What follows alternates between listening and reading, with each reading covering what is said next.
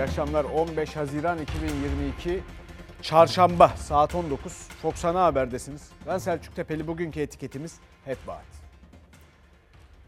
Çok fazla vaat duyuyoruz. Bu vaatlerin belli bir ölçüde gerçekleştiğini görüyoruz. O belli ölçü ihtiyacın çok gerisinde. O gerçekleşenler de çok abartılıyor. O yüzden hayat ve sıkıntılar değişmiyor. Sağlık çalışanları mesela. Bugün 81 ilde beyaz grevdeydiler, iş bıraktılar. Önce söz verilen ardından iptal edilen bir maaş düzenlemesi vardı biliyorsunuz. Sağlıkta şiddet yasası da gündemdeydi.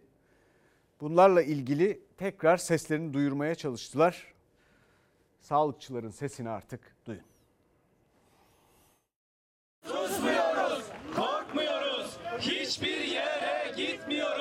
Varsın gidiyorlarsa gitsinler. Biz bir yere gitmiyoruz, susmuyoruz, korkmuyoruz. Buradayız. Bu topraklarda bu sağlık sistemini değiştireceğiz. Buna adayız dedik. Bizler özlük hakları sürekli elinden alınan, her gün hakarete, şiddete, darbe maruz kalan, dövülen, sövülen, canına kastedilen ve sonunda öldürülenleriz.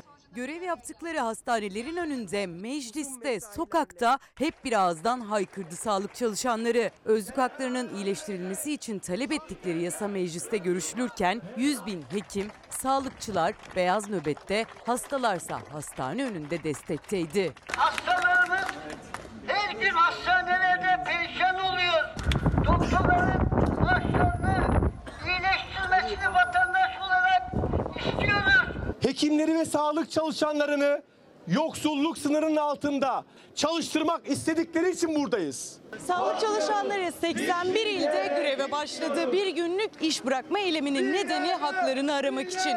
Bu dördüncü kez gerçekleşen iş bırakma eyleminin nedeni ise şartlarının iyileştirilme talebi ve şiddet yasasının da çıkması için doktorlar, sağlık çalışanları İstanbul'da eylemde.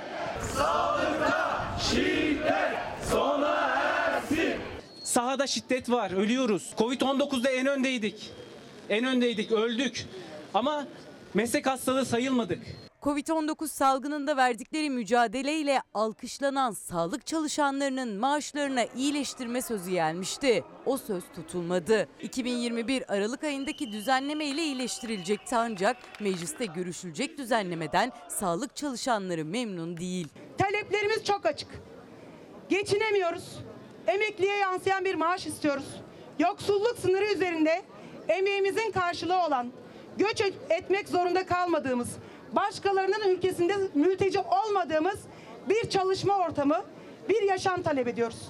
Hekimlerimizi mutlu edecek bir düzenleme olacak. Maaşlarına mı yansıyacak? Maaş emeklilik dahil. Ne söyledin?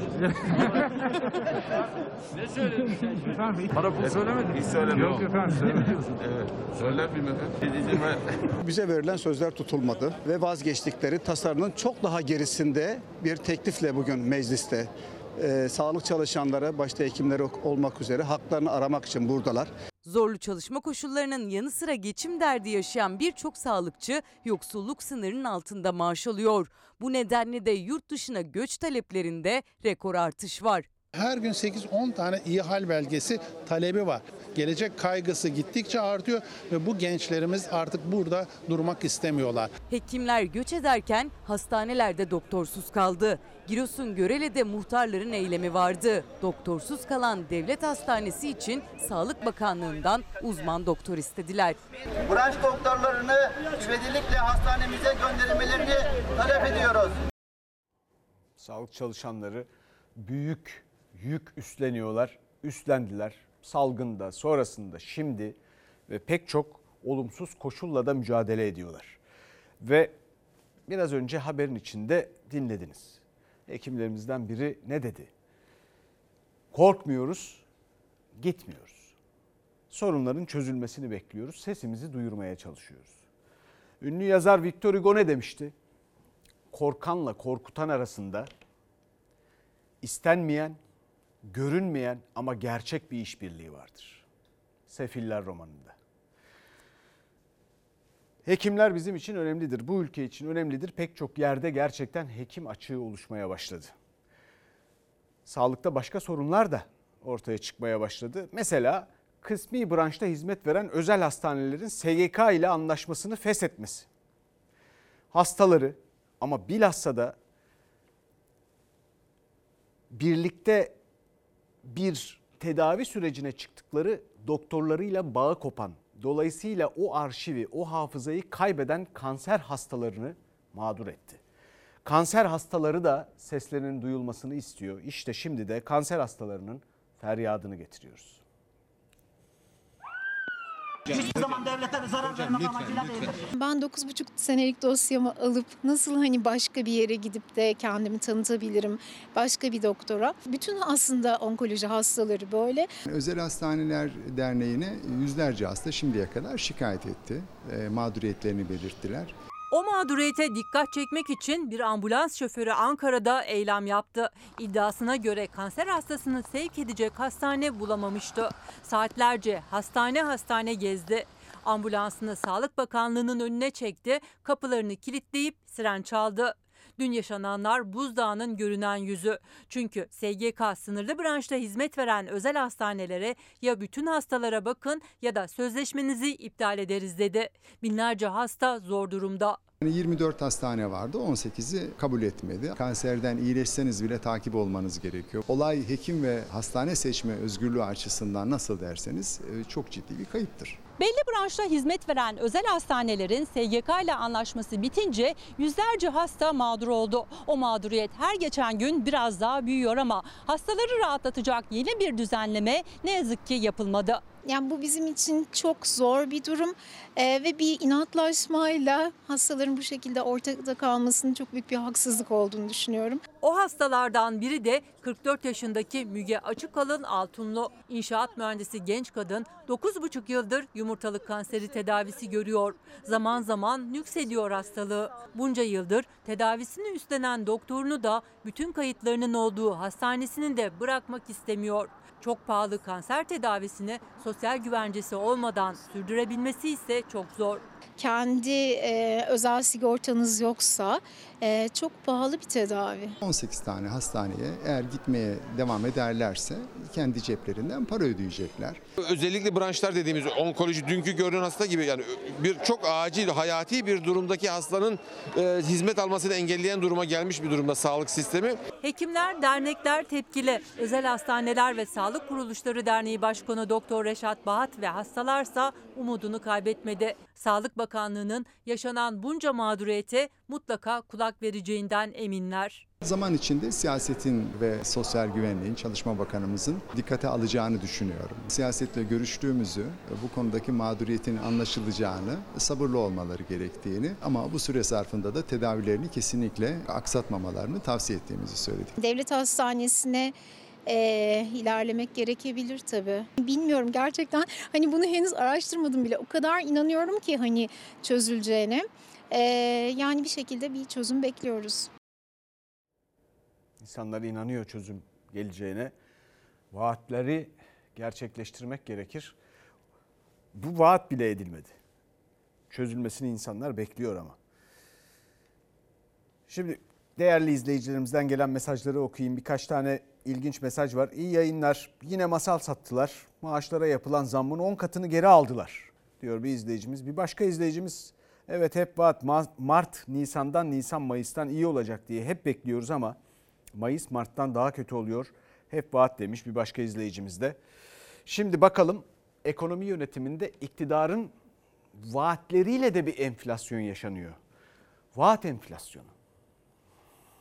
Önümüzdeki Şubat-Mart'la birlikte enflasyonda önemli ölçüde gerileyeceği için attığımız adımların insanlarımızın hayatlarındaki etkilerini daha iyi görebileceğiz. Sürekli olarak 6 ay sonra düzelecek. 6 ay geçiyor bir 6 ay sonra gene düzelecek vaadini tekrar ediyorlar. Millet de artık buna karnı doydu. Ülkemizdeki sorun işsizlik veya gelir kaybına uğranılması değil. Mevcut gelirle daha az satın alma gücüne sahip olunmasıdır. Ülkemizin iflas riski bugüne dek görmediğimiz bir seviyeye ulaşmış durumda. Cumhurbaşkanı enflasyon yok, hayat pahalılığı var sözlerinden sonra bu kez de gelir kaybı yok, mevcut gelirle daha az satın alma gücü var dedi. 2023 Mart ayında enflasyon gerileyecek derken Deva Partisi lideri Babacan Türkiye ekonomisinin iflasın eşiğinde olduğunu söyledi. İflas riskini gösteren 5 yıllık CDS 836 baz puana çıkmış durumda. Uçağın radarı gibi. Pilota diyor ki tam karşıda bir dağ var diyor. Uçağın yönünü değiştiremezsen o dağa çakılacaksın diyor bu gösterge.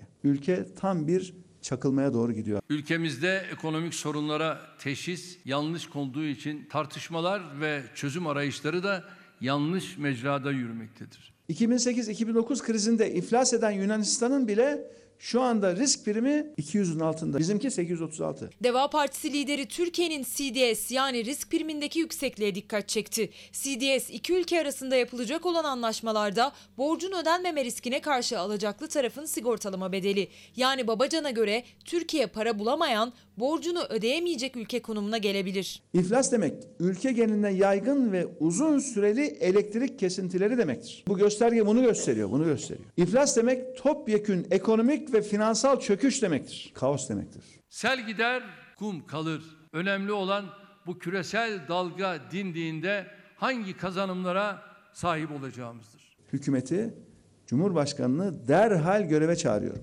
Acilen tedbir almanın zamanı geldi geçiyor. Bakın bunun sonu çok kötü olur ya. Ben gördüm çünkü bunu. Dünyada pek çok ülkede gördüm. O iflasın temerrütün ne olduğunu biliyorum. Perişan olur herkes. Yaşanacak bir ülke olmaz Türkiye ondan sonra. Çok pişman olursunuz, çok. 2022 yılı Mayıs ayında 144 milyar TL bütçe fazlası, 161.9 milyar TL faiz dışı fazla verilmiştir. Böylece yılın ilk 5 aylık döneminde toplam bütçe fazlası 124.6 milyar TL'ye, faiz dışı fazlaysa 246.5 milyar TL'ye ulaşmıştır.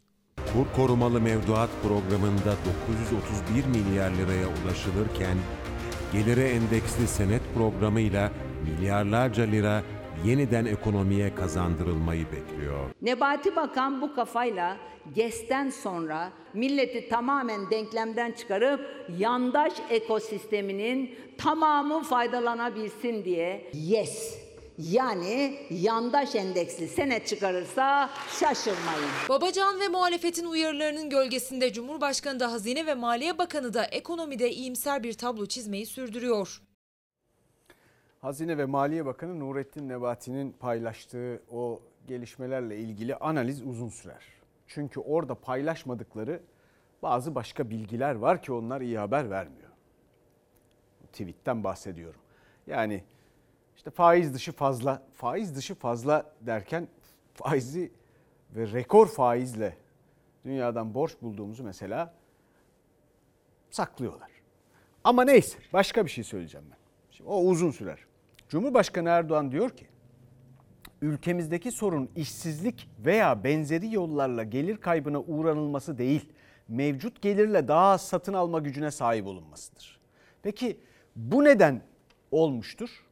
20 yıldır iktidarda olan ve 2018'den beri de her türlü yetkiye sahip. Bu hükümet zamanında bu niye olmuştur? Bunun sebebi uygulanan bu tuhaf modellerdir. Model denemez. Pek çok uzman bunu söylüyor. Peki başka türlü anlatayım. Bu şu demek. Herkes bu soba sıcak. Sobaya elinizi değdirmeyin diyor. Pek çok bu işi bilen insan bunu söylüyor. Onlar sobaya elini basıyor. Sonra da el yanıyor elbette. Sonra da açıklaması şu oluyor. Bizim sobayı elin, elimizi sobaya basmamızdan dolayı yanmadı elimiz. Sobanın sıcak olmasından dolayı yandı. Bu o demek yani. Türlü anlatmaya çalışıyoruz biz de ne yapalım işte. Peki devam edelim. Tarımda da böyle bir durum var elbette. Tarımda da kaç kere söyledik, ettik. Ucuz, şimdi orada da vaatler var. Hep vaat. Bu baharda da olmadı. Siz yaşıyorsunuz her gün. Tezgahlarda, çarşıda, pazarda, markette görüyorsunuz. Bu ülke bir meyve sebze ülkesi. Ucuz meyve sebze hangi bahara? Hep yeşillik alıyoruz artık yani. Mevsimi diye. Meyve? Meyve yok. Fiyatları gördüğünüz gibi uçuk. Taze fasulye, domates onları aldık. Yaz meyve sebze. Ha gidin fiyatlara bakın görürsünüz meyve sebzeleri. Pahalı. Bakalım bekliyoruz emekli maaşlarını böyle yayınlayın da görsünler. Bakalım Temmuz'da ne yapacaklar. Yetişmiyor çünkü. Şimdi tam da mevsimi ama fiyatları hala çok yüksek meyve sebzenin. Şeftali, kayısı, eriğin kilosu 20, kiraz 25, çilek 17 lira. Kavun 10-15 liradan satılırken karpuzun tanesi 40 liradan satılıyor pazarda. Ucuza da yemek hayal oldu çünkü TÜİK tarımda üretici maliyetlerini açıkladı. Mayıs'ta bir önceki aya göre %16 arttı maliyet. Oysa Cumhurbaşkanı Erdoğan Nisan ayında meyve sebze fiyatlarındaki pahalılığın mevsimsel olduğunu ve ihracattan kaynaklandığını öne sürmüş yazın gelmesiyle fiyatların düşeceğini söylemişti. Yaz gelip mahsuller ortaya çıktıkça gıda ürünlerinin fiyatı düşer. Bu yıl bolluk, bereket yılı. Hani düşmedi? Niye düşmüyor? Almayacağım. Param yok. Param olsa alacağım ama çok yüksek. Mevsiminde niye bu kadar pahalı? Yaz gelince meyve sebzenin uc- ucuzlaması lazım. Ama bakıyoruz 25 liradan aşağı meyve yok.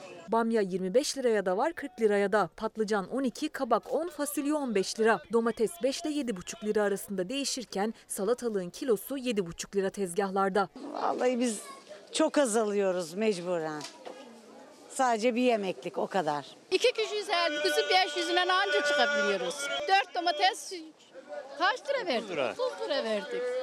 Ondan sonra karpuz da verdik 50 lira. Alırsan böyle şey 150-200 liraya çıkarsın. Yani bir şey yok burada yani. İki, yarım kilo limon var, işte maydanoz var, salatalık var. Yani o meyve falan yok. Et yok. Pirinç bakliyat yok. TÜİK'e göre bile bu fiyatlar düşmeyecek, artacak. İddia edildiği gibi stokçuluk ya da fırsatçılık değil, artışın sebebinin maliyet olduğunu TÜİK de söylemiş oldu. Üreticinin maliyeti Mayıs'ta bir önceki aya göre %16,18 artarken bir yılda %154,97'ye çıktı. E bizi de etkiliyor işte bak. Alamıyoruz. Alım gücüm azaldı. Orta direktik ç- çukura düştük artık yani. Kalkamıyoruz.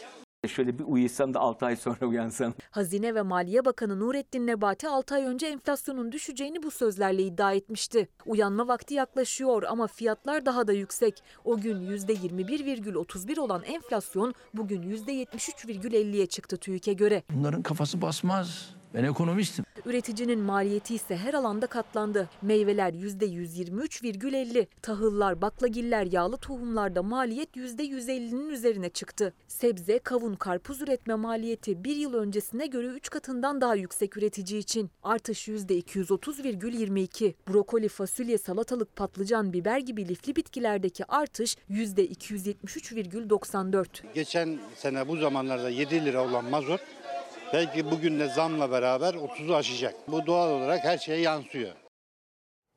Tabii bu şartlarda yapılacak yığınla şey varken gerçekten tarımı rahatlatabilecek, çok kısa sürede insanların tezgahta hissetmesini sağlayabilecek akaryakıtla ilgili maliyetlerini tarımın, çiftçinin, köylünün maliyetlerini sabitlemek, azaltmak gibi bir yığın şey varken Venezuelalar, başka bir takım uzak ülkeler böyle bir takım fantastik fikirler dolanıyor. Tarım Bakanımız bunu dile getiriyor. Aklıma Amerikalı bir yazar geldi 19. yüzyıldan Erman Melville diye bir adam. Moby Dick'in yazarı. Balina avlamak için gemiye gidiyor, iş buluyor kendine. Fakat bu Atlantik'te dolanırlarken eğer 6 ayda bir balina bulamazlarsa açlıktan ölme riskleri var ve Atlantik'te pek çok öyle hayalet gemi dolaşıyor. Açlıktan insanların kırıldığı filan. Ve kaptanın bunu anlaması lazım gemi kaptanının yani durumu anlaması lazım bir karaya yönelmek için. Ama onun anlattığı hikayede o hikayede Polinezya hayatına bir bakış. Pek kimsenin okumadığı bir şeydir ama müthiştir. Orada diyor ki kaptanın tek bacağının üstünde kederle dikilen bir horozu vardı. Onu yemedikçe kaptan hiçbirimizin durumunu anlamayacaktı. Kaptan hala bir balina bulmak için bütün dünyayı dolaşmamız lazım demiş bir gün. Melville de şöyle soruyor. Kaptan tamam dünyayı dolaşalım da nereye varacağız? Şimdi Venezuela meselesi de öyle. Venezuela'ya gideceğiz de nereye varacağız tarımda? Bakalım şimdi tarlamıza biz memleketimize dönelim. Tarlamızda bizim memleketimizin tarlalarında neler oluyor? Benim hikayemde Nazlı Yere Basmaz'la hasat ortasında mazot pazarlığı.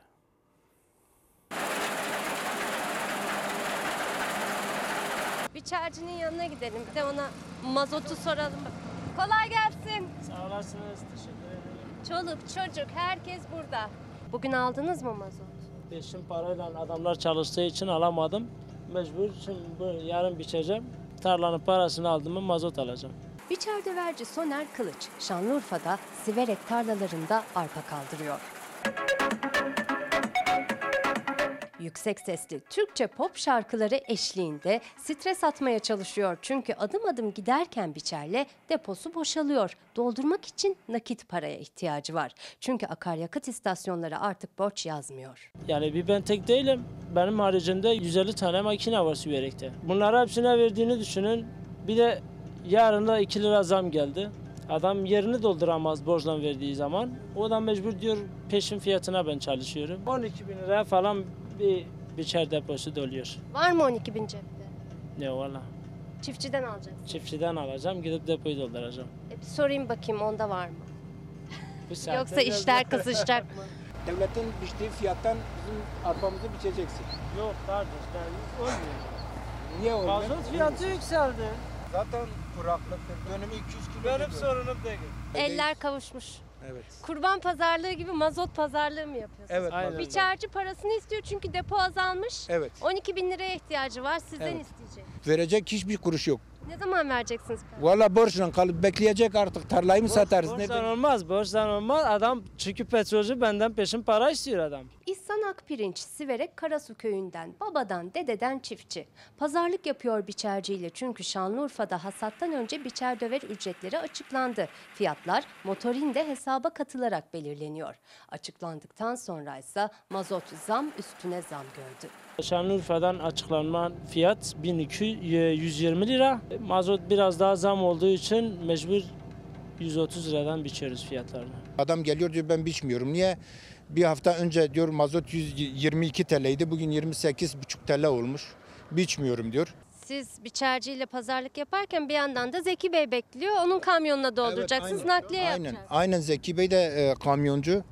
O da isyan ediyor. Ma- Onun da kamyon mazot parası. Ekimin yapıldığı Ekim ayından hasat zamanı Haziran'a %300 zam gördü mazot. Tek masrafı bu da değil çiftçinin. Ödeme bekleyen çok. Vallahi artık son noktaya gelmişiz. Devlet bize o destekleme diyor. O desteklemeyi bizim hesabımıza yatırıyor. Yatırdıktan bir saniye sonra e, TEDAŞ bloka koyuyor o paraya. Parayı göremiyoruz. Biz parayı göremiyoruz. Yani buradaki bütün çiftçilere sorabilirsin. Yani her çiftçinin e, hesabında bloka vardır. Artık ya çiftçiliği bırakacağız. Yapamıyoruz yani artık son noktaya gelmişiz. Tarım enflasyonunda tarım maliyetlerinde yeni rekor kırıldı biliyorsunuz. Şimdi daha yeni açıklandı bu. Taban fiyatlar açıklandıktan sonra bir yığın zam yapıldı ve o taban fiyatlar da yüksek gibi görünmesine rağmen bazılarında eriyor gidiyor böylece. Desteklemeler, desteklemelerden bahsediliyor. Peki desteklemelerden kim faydalanıyor? Bu ülkenin gerçekten çiftçilik yapan insanı desteklemelerden faydalanıyor mu? Bunun peşine düşülüyor mu bir kere? Bir defa destekleme köylüye yapılmalı. Türkiye'de çiftçiliği köylü yapar. Geri kalanı fantazidir. Peki köylü desteklemeden faydalanabilir mi? Çok zordur. Neden? Çünkü kendi toprağının sahibi değildir. Bunu hep anlatmaya çalışıyoruz. Üçte ikisinin toprağı ile ilgili ya bir tedbir vardır, ya miras meselesi vardır, ya eskiden bir vakıf arazisiydi, şuydu buydu diye birileri oralara sahip çıkmaya çalışır ve sürekli bir takım davalarla boğuşur bu insanlar. Bu ülkede tarımı düzeltecekseniz evvela bu insanlardan üretim için bir teminat alın. Yani bir süre süre verin. Yani diyelim ki işte 30 yıl satamazsın kardeşim diye bir şey deyin. Ekmelerini sağlayın ama onların tarlalarının tapusunu almasına müsaade edin ve bunun için para istemeyin. Çünkü başka türlü bu iş çözülmeyecek. Yani ne lazım bize biliyor musunuz? Köylü ile tarım barışı lazım. Köylü ile tarım barışı. Öyle imar barışı, imar affı falan değil. Bunu da kimse düşünüyor mu? Yok. Onlar Venezuela'dan bahsediyorlar. Otobüs biletlerine gelelim. Akaryakıt zamları şehirler arası otobüslerin en yoğun olduğu dönem başlamak üzere. Başladı hatta okullar tatil filan. Fakat öyle zamlar geldi ki biletler tek yön. Otobüsün maliyeti yüksek. Şu an mesela 550 yazıyorsak bu akşam da zam gelirse 600 lira yazacağız. Mecbur yani. Edirne'ye gidiyorsunuz. Ne kadar aldınız bileti? 200 lira, İki kişi.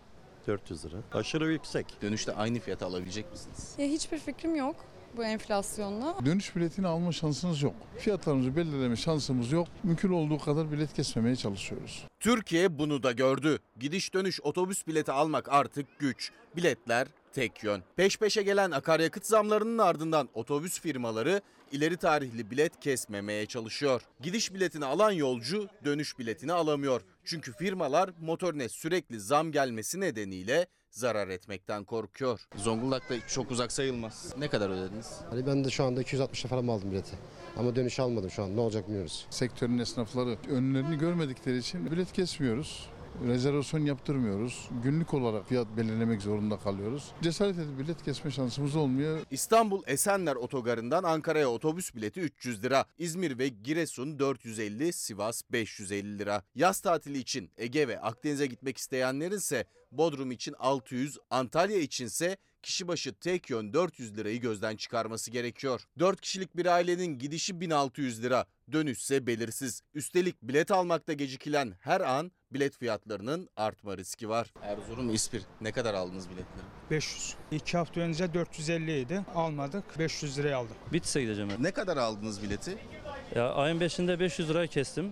Ayın 15'inde de 630 falan. Ek yolcular çıkınca onları da ekleme yapınca tanesi 630 liraya geldi. Aynı firma aynı otobüs. Aynı düzergah. Sedat Özkan da sürekli artan bilet fiyatlarının mağdurlarından. Aynı firmadan aynı gün aynı güzergahta aldığı biletlerin iki tanesini 130 lira daha pahalıya aldı. Sedat Özkan Bitlis'e gidebilmek için önce iki bilet aldı. Bilet başına 500 lira ödedi. Toplamda 1000 lira ediyordu. Sonra iki yolcusu daha Bitlis'e gitmek isteyince iki bilet daha alması gerekti. Ama bu sefer bilet fiyatı 630 liraydı. Toplamda 4 bilete 2260 lira ücret ödedi. Oradan dönüş şimdi sıkıntılı. Bu fiyata böyle gidiyorsa oradan nasıl döneceğimizi bilmiyoruz artık. Yolda yiyecek var, içecek var. E ortalama 20-22 saat falan var herhalde. Dar gelirli ise zorunlu olmadıkça seyahat etmiyor. Zorunluysa da pazarlık yapıyor. Ben şimdi Bartın'a gideceğim 330 lira. Annemin yanına gidemiyorum. Nasıl olacak bu iş? Annem 90 yaşında. Şanlıurfa. İki kişi 1000 TL'ye aldık. Yani zar zoruna 1000 TL'ye düşürdük. 600 TL'ydi. 1200 yapıyordu 1000 TL'ye düşürdük. Hastaneye gelmiştik. Zar zor işte eve gidiyoruz. Gelirken 400 almıştık. Efendim bu biletlerin tek yön olmasına sebep olan şartları biliyorsunuz. Biraz önce de söyledik. İşte akaryakıt zamları filan. Cumhurbaşkanı Erdoğan dedi ki benzin zammının sebebi dövizdeki artış. Hem ham petrol fiyatlarındaki yükselişten hem kurdaki artıştan anında etkileniyoruz. Dünyanın tamamının yaşadığı bu sıkıntıyı biz de göğüsleyecek ve sabırla düzelmesini bekleyeceğiz. Cumhurbaşkanı Erdoğan akaryakıt fiyatlarının sadece Türkiye'de değil tüm dünyada arttığını söyledi, sabır dedi. Muhalefet Erdoğan'a rakamlarla yanıt verdi. Pahalılığın sebebi olarak döviz kurundaki yükselişi ve Cumhurbaşkanı Erdoğan'ı gösterdi. Rakamlar çok açık. Dünyada mazot fiyatları 1 artıyor, Türkiye'de 4 artıyor. Dünyadaki mazot fiyatlarına gelen %60'lık zam bizim burada %245 olarak gerçekleşiyor. Kendisi hesap kitap bilmeyebilir. Ama biz hesap kitap alır 70 dolarlık petrol oldu 120 dolar. Bu ne demek? 7 lira olan benzin mazot 12 lira olacak değil mi? Hesap basit. Peki niye 27 lira? Niye 28 lira? E çünkü Türkiye'de kur fırladı. Üreticiden tüketiciye herkes akaryakıt fiyatlarındaki fahiş yükselişten şikayetçi. Akaryakıt fiyatlarındaki pahalılık AK Parti grubunda Cumhurbaşkanının da gündemindeydi. Erdoğan rakamlar rahatsız edici demekle yetindi. Hem ham petrol fiyatlarındaki yükselişten hem kurdaki artıştan anında etkileniyoruz. Bu kurdaki artışın sebebi kim? İşte o 180 milyar dolar döviz rezervini arka kapıdan cayır cayır kim yaktıysa Bu döviz kurunu fırlatan da aynı kişi. Dolardaki yükseliş %19 olan politika faizinin kademeli olarak %14'e kadar düşürülmesiyle başladı. Ağustos 2021'de 1 dolar 8 lira 38 kuruştu. Bugünlerde 17 lira 30 kuruşa kadar yükseldi. Benzinin de fiyatı aynı dönemde 7 lira 74 kuruştan 28 lira seviyesine çıktı. Diyelim ki dolar sabit. 8.30 civarıydı Eylül başında. Gene 8.30 olsaydı. O zaman biz petrolü yani benzini bugün 27.48'e değil 15 lira 64 kuruş alacaktık. 27.91'e aldığımız motorini 16 lira 18 kuruş alacaktık. Bu işte kurun etkisi. Yani hem petrolün varil fiyatındaki artış hem de dolar dünyayla aynı seviyede kalsaydı üreticiden tüketiciye herkesin cebinden çok daha az para çıkmış olacaktı. Bu enflasyonun da daha düşük seviyede olması anlamına gelecekti. Döviz kurlarını inat uğruna faiz sebep enflasyon sonuçtur politikasıyla işte dalgalı, tutulamayan, sürekli e, bir yama gerektiren bir hale getirdiğimiz için olduğunu fark etmek herhalde bu kadar da zor olmasa gerek. 70 litre mazot alır traktörler. 460 liraydı geçen sene bugün. Bugün 1980 liraya, 2000 liraya doluyor. Eğer dünyadaki kadar zam yapsaydınız mazota 770 liraya doğacaktı. Evet soru bu. Akaryakıt zammının sebebi dövizdeki artış. Peki dövizdeki artışın sebebi kim? Sebebi ne? Mesela o da akaryakıt zammı mı acaba? Yoksa ışıltılı modeller mi? Bugün Deva Partisi Genel Başkanı Ali Babacan tane tane her şeyi detayıyla anlatmaya çalışmış. Öyle ayarların bozulduğu bir ekonomideyiz ki şu anda. Kur düşüyor, ülke ucuzlatılıyor. Emeğinden ürününe kadar. Böylece ihracatta artış isteniyor fakat getirisi elbette kur yani Türk lirası değer kaybettiği için istendiği seviyede olmuyor. Bir takım uygulamalar ve bu uygulamaların yarattığı eşitsizlikler herkesi ah, tam manasıyla duman ediyor. Mesela Güntay Şimşek'in Habertürk'te ilginç bir yazısı vardı. Yerli elektrik üreticisine neden çifte baskı uygulanıyor diye. İlginç. Enerji bürokrasisi ilginç bir sınavdan geçiyor. Yerli ve milli kaynaklardan elektrik üreten santrallere maliyetlerin altında tavan fiyat belirlenip baskı uygulanırken ithal kömür ve doğal gazı ile çalışan santralleri korumak için bulunan formül adeta gelir garantisi gibi.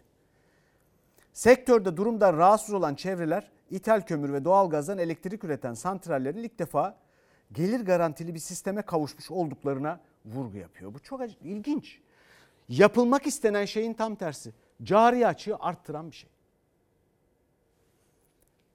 Bir de dar gelirli var.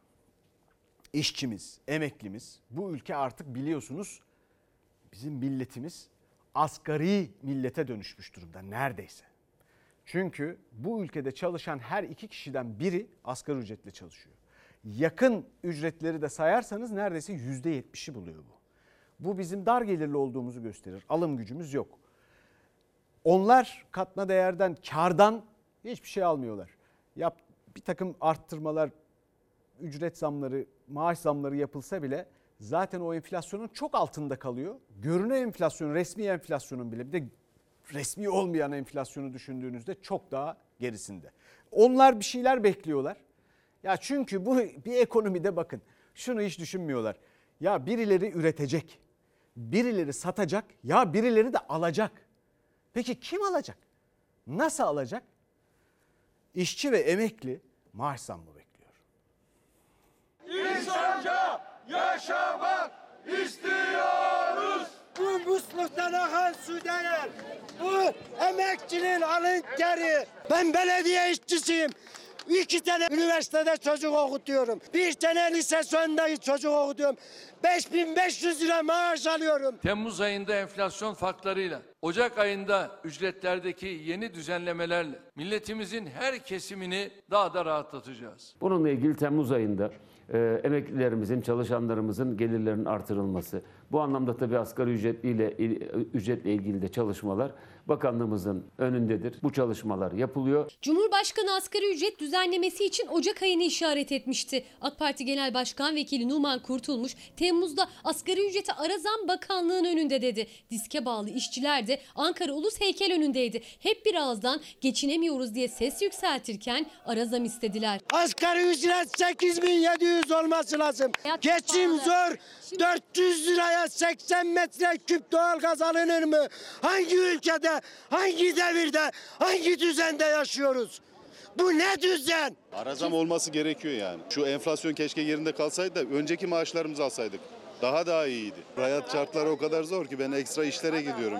Belediyede süpürgeciyim. İki tane üniversite öğrencim var. Bir an önce asgari ücreti güncelleyin. En düşük emekli maaşını da asgari ücret seviyesine çıkartın. Temmuz ayında bütün çalışanların yüzünü güldürecek bir düzenlemeyi de gerçekleştirecek durumdadır. Konuşmanızda Konuş, enflasyon konuş, müjdeyi Temmuz konuş, ama konuş. asgari ücretten Bir dakika, bir dakika. bahsetmediniz. Konuşmada her şeyi söyledim. Ayrıca bir açıklama yapmayacağım. Çalışma Bakanı'nın sözleri Temmuz'da işçiye asgari ücretliye de ara zam gibi algılandı. Ama sonrasında kurduğu cümlede asgari ücretliyi anmadı. Cumhurbaşkanı da asgari ücretli demedi yeni açıklamasında. Temmuz'da emekliye memura verilecek enflasyon farkından söz etti. Yılbaşında çok daha kapsamlı ve rahatlatıcı adımlar planlıyoruz. Temmuz ayında enflasyon farklarıyla yine bir rahatlama sağlayacağız. 5 maaş, 10 maaş, 11 maaş alan danışmanlar ordusunun maaşlarını düzenleme konusundaki hassasiyet tavanda, tepede. Haram olsun, zıkkım olsun. En düşük emekli maaşı asgari ücretle bütünlenmeli ve asgari ücretin üzerine gelecek artışla da artırılmalı. Bir rakam veremeyiz, insanca yaşamak istiyoruz. 4250 lira var cebinizde. Hiçbir şey yetmiyor. Zaten 2000 lirası kira, 1000 lirası faturalar. Gidiyor, bitiyor yani. Bir markete gittiğimizde bir peynir 200 gram 25 lira. İnsanlar artık yi- yiyemiyor, içemiyor. Maaş dışında her şeye zam geliyor ve insanların artık psikolojisi bunu kaldırmıyor durumda. İşçi asgari ücretli yılbaşını beklemeden ara zam isterken emekli ve memur Temmuz'da verilecek enflasyon farkının yetmeyeceğini söylüyor. Krizin faturasını ödemeyeceğiz. KESK'e bağlı memurlar da TÜİK'in açıkladığı değil hissedilen enflasyon oranında zam taleplerini Bodro yakarak dile getirdiler. İşte hep vaat bu. Bir öyle söyleniyor bir böyle söyleniyor. Kabineden veya hükümetten, iktidardan çıkan sesler çelişkili. Bir gün öyle bir gün böyle. Kimse bir şey anlamıyor. Bu arada da insanların alım gücü böylece düşüyor. Enflasyon yüksek, kur yükseliyor. Uygulanan modele göre sözde cari aç fazla vereceğiz. Yurt dışına ihraç edeceğiz. Yani kim alacak dedim ya başkaları alacak. Ama o ihracat odaklı çalışan firmalar veya o ekonomide Türkiye'de bir azınlık. Bu bu ülkeyi hele bu şartlarda hele bu kadar değersiz bir Türk lirasıyla yürütmeye yetmiyor işte. Şimdi geçelim başka bir şeye. Bu e, ilginç bir konu. Hep vaatten devam ediyoruz. Gerçekten ilginç konu. Şimdi dikkatli dinleyin ne olur. 2020 yılında ilk teslim, teslimatı yapılacak bir tank projesi vardı biliyorsunuz. Yerli tank. Sonra Cumhurbaşkanı 2023 yılında üreticilik, üretilecek diyor bu arada. Nasıl üretileceği konusunda bir yığın tartışma oldu biliyorsunuz. Tank palet falan filan bir sürü şey oldu. Orada bir vaat var hala.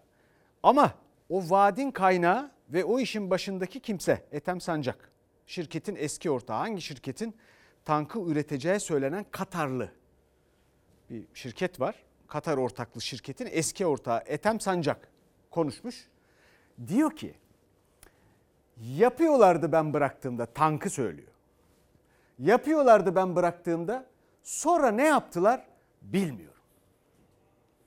Milyarlarca dolarlık yatırım dedikleri fabrikaya gittik. Yatırım matırım yok. Fabrika sökülüyor. Ortada şu anda hiçbir tank yokmuş hala. Yapıyorlardı benim ben bıraktığımda yapmanın eşiğindeydik. Sonra ne yaptılar bilmiyorum. Tank üretmek için davet usulü BMC'yi alan Ordu'nun Gözbebeği Tank Palet Fabrikası kendisine kiralanan Ethem Sancak tank yapılıyordu ama şu an ne durumda bilmiyorum dedi. Bir sonraki cümlesi daha da dikkat çekici. Geçen sene Mart'ta bıraktık değil mi? Hala yok tank.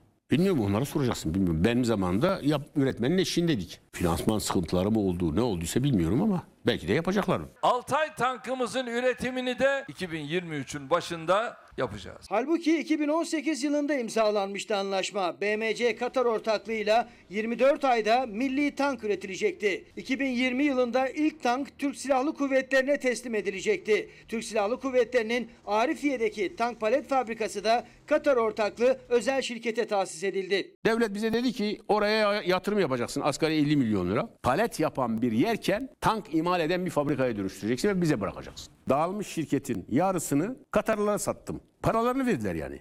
Paylarına düşen neyse hissede 700 milyon liraya almıştım. 350 milyona yarısını sattım onlara. 350 milyon doları önce BMC'nin %49'unu Katarlılara sattı Ethem Sancak. Tank üretilmeden şirketin ortaklığından ayrıldı. Hisselerini bir başka iş adamına sattı. Muhalefet ortada tank yok ama yüz milyonlarca dolar kazanç var derken Ethem Sancak TV100'de Candaş Tolga Işık'a konuştu. Cumhurbaşkanı dedi ki çocuklar sizin göreviniz bitti. Yapacak başka bir milli girişimci var. Siz oraya devredin hisseleri. Emriniz başımızın üstüne dedik. Koyduğumuz parayı aldık. 3-5 kuruşta işte 50 milyon dolar yakında yatırım yapmıştık. Ayrılırken 60 milyon dolara yakın para alarak. 10 milyon dolar kar ettiniz yani. E, 7 yılda 10 milyon elim, emeğimiz vardı yani. Ethem Sancak şirketin %49 hissesini Katarlılara 350 milyon dolara sattığını kendisi söylüyor. Kalan hissenin Tosyalı gruba 480 milyon dolara devredildiği iddia ediliyor ama 10 milyon dolar karla çıktım diyor. O şaşalı törenlerin yapıldığı dev yatırım dedikleri fabrika yerinden sökülüyor. İşte size Bay Kriz'in mangalda kül bırakmadığı yerli ve milli yatırım anlayışı. Cumhurbaşkanı Erdoğan yerli ve milli tank için 2023 yılını işaret ederken o tankların üretileceği söylenen 2019 yılında bizzat temelini Erdoğan'ın attığı Sakarya Karasu'daki fabrika ise sökülüyor. Tank üretecek şirketteki hisse devirleri, yüz milyonlarca dolarlık iddialar, tank üretilecek denilen fabrikanın sökülmesi tartışma sürüyor. Peki para nerede? Tank nerede? Fabrika nerede? Efendim şimdi meclise gidelim. İç politikadan devam edelim. Bir bütün partilerin neredeyse aynı şeyleri söylediği bir konu var biliyorsunuz. Meclise yumruk mecliste.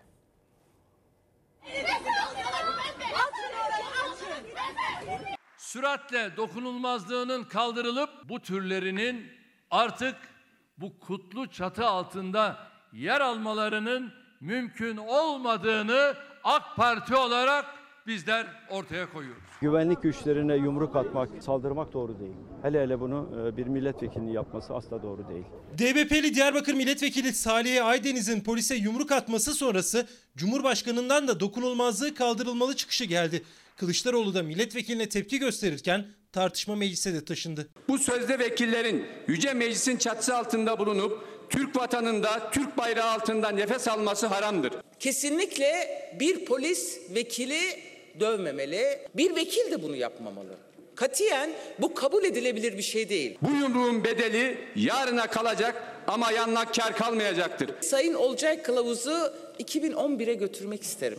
2011 yılında Ülke Ocakları Genel Başkanı iken önce polise tokat atıyor, sonra yumruk atıyor. Peki ben polisim diyor, ne olursan ol diyor. HDP İstanbul Kadıköy'de yaşanan olayla ilgili polis de vekil de hatalı derken arşivi de açtı. MHP'li Olcay Kılavuz'un 2013 yılında bir cenaze namazı sonrası polise attığı yumruğu hatırlattı. O geçmişte yaşanan uygulamanın da arkasındayım. Hiçbir şeyi inkar etmiyoruz. Olcay Kılavuz Türkiye'de görev yapan polise yumruk ve tokat attığını Türkiye halkının huzurunda ikrar etti. Kendisini alkışlıyorum. Genel başkanınız önce sizi ihraç etsin. Tabii o şahsın şu an için FETÖ'den de polislikten ihraç edildiğini e, bilmekteyiz. Onlar tokat atınca FETÖ'cü çıkıyor nedense. Biz tokat atınca Türk polisi şehittir, işte vatanseverdir diyor. AK Partili vekilin oğlu polisleri sıraya dizmişti. Bu aylarca tartışıldı. Bizzat AK Parti milletvekili Zeynep Gül Yılmaz Polise şerefsiz dedi.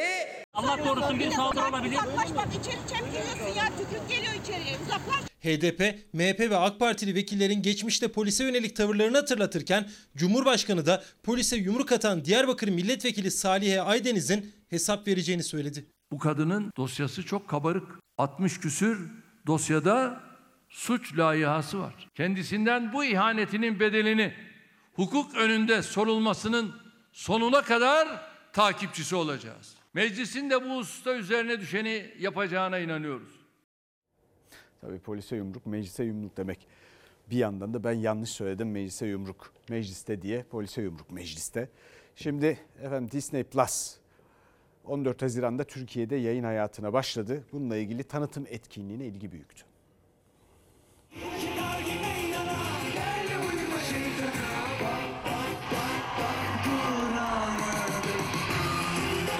Çok heyecanlıyım.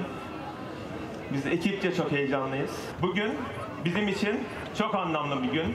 Dünyanın en sevilen hikayelerine ev sahipliği yapan Disney, kalplere dokunan hikayeleri çok daha geniş kitlelere ulaştırmak için bir maceraya atıldı. Bir yolculuğa başladı. Dijital yayın platformu Disney Plus Türkiye'de yayın hayatına başladı. Medya ve sanat dünyasının önde gelen isimleri tanıtım etkinliğindeydi. Bu lansmanımızı yaparken bir ilki de gerçekleştirdik. Disney Plus dünyada ilk defa bir lansman yaparken bir orijinal yerel bir içerikle e, lansmanı yaptı. Kaçış dizimiz bizim ilk dizimiz oldu bu anlamda. Çok büyük bilgi oldu bu gecemize.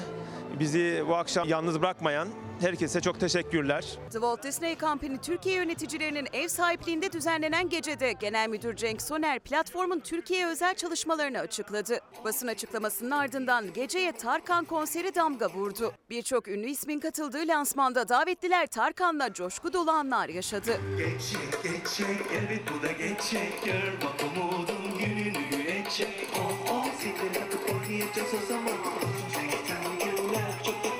Disney Türkiye'ye ilk defa girdi. Bizim işimizde ilk defa ilk bölümü yayınlanacak. Platformda Disney, Pixar, Marvel, Star Wars ve National Geographic içerikleri 170'i orijinal, binden fazla film ve 16 binin üzerinde bölümden oluşan 400'den fazla dizi, belgesel ve pek çok yerli yapım Türkiye'deki izleyicisiyle buluştu. Seyirci olarak da çok mutluyum. Ee, yeni içeriklerin dışında çocukluğumun filmleri bana ne hissettirecek çok merak ediyorum. Oyuncu olarak da ayrıca mutluyum tabii ki. Dijital platformlar sonuçta e, pandemiyle beraber gerçekten çok büyük hata kalktılar. İnsanların ihtiyaçları da vardı. Çok fazla vakit evde geçirdik hep beraber. Herhalde olan içeriklerin insanlar büyük bir kısmını tükettiler bile. E, bu ihtiyacın üzerine böyle bir şeyin, böyle bir atılımın olması da çok normal. Efendim şimdi bir ara.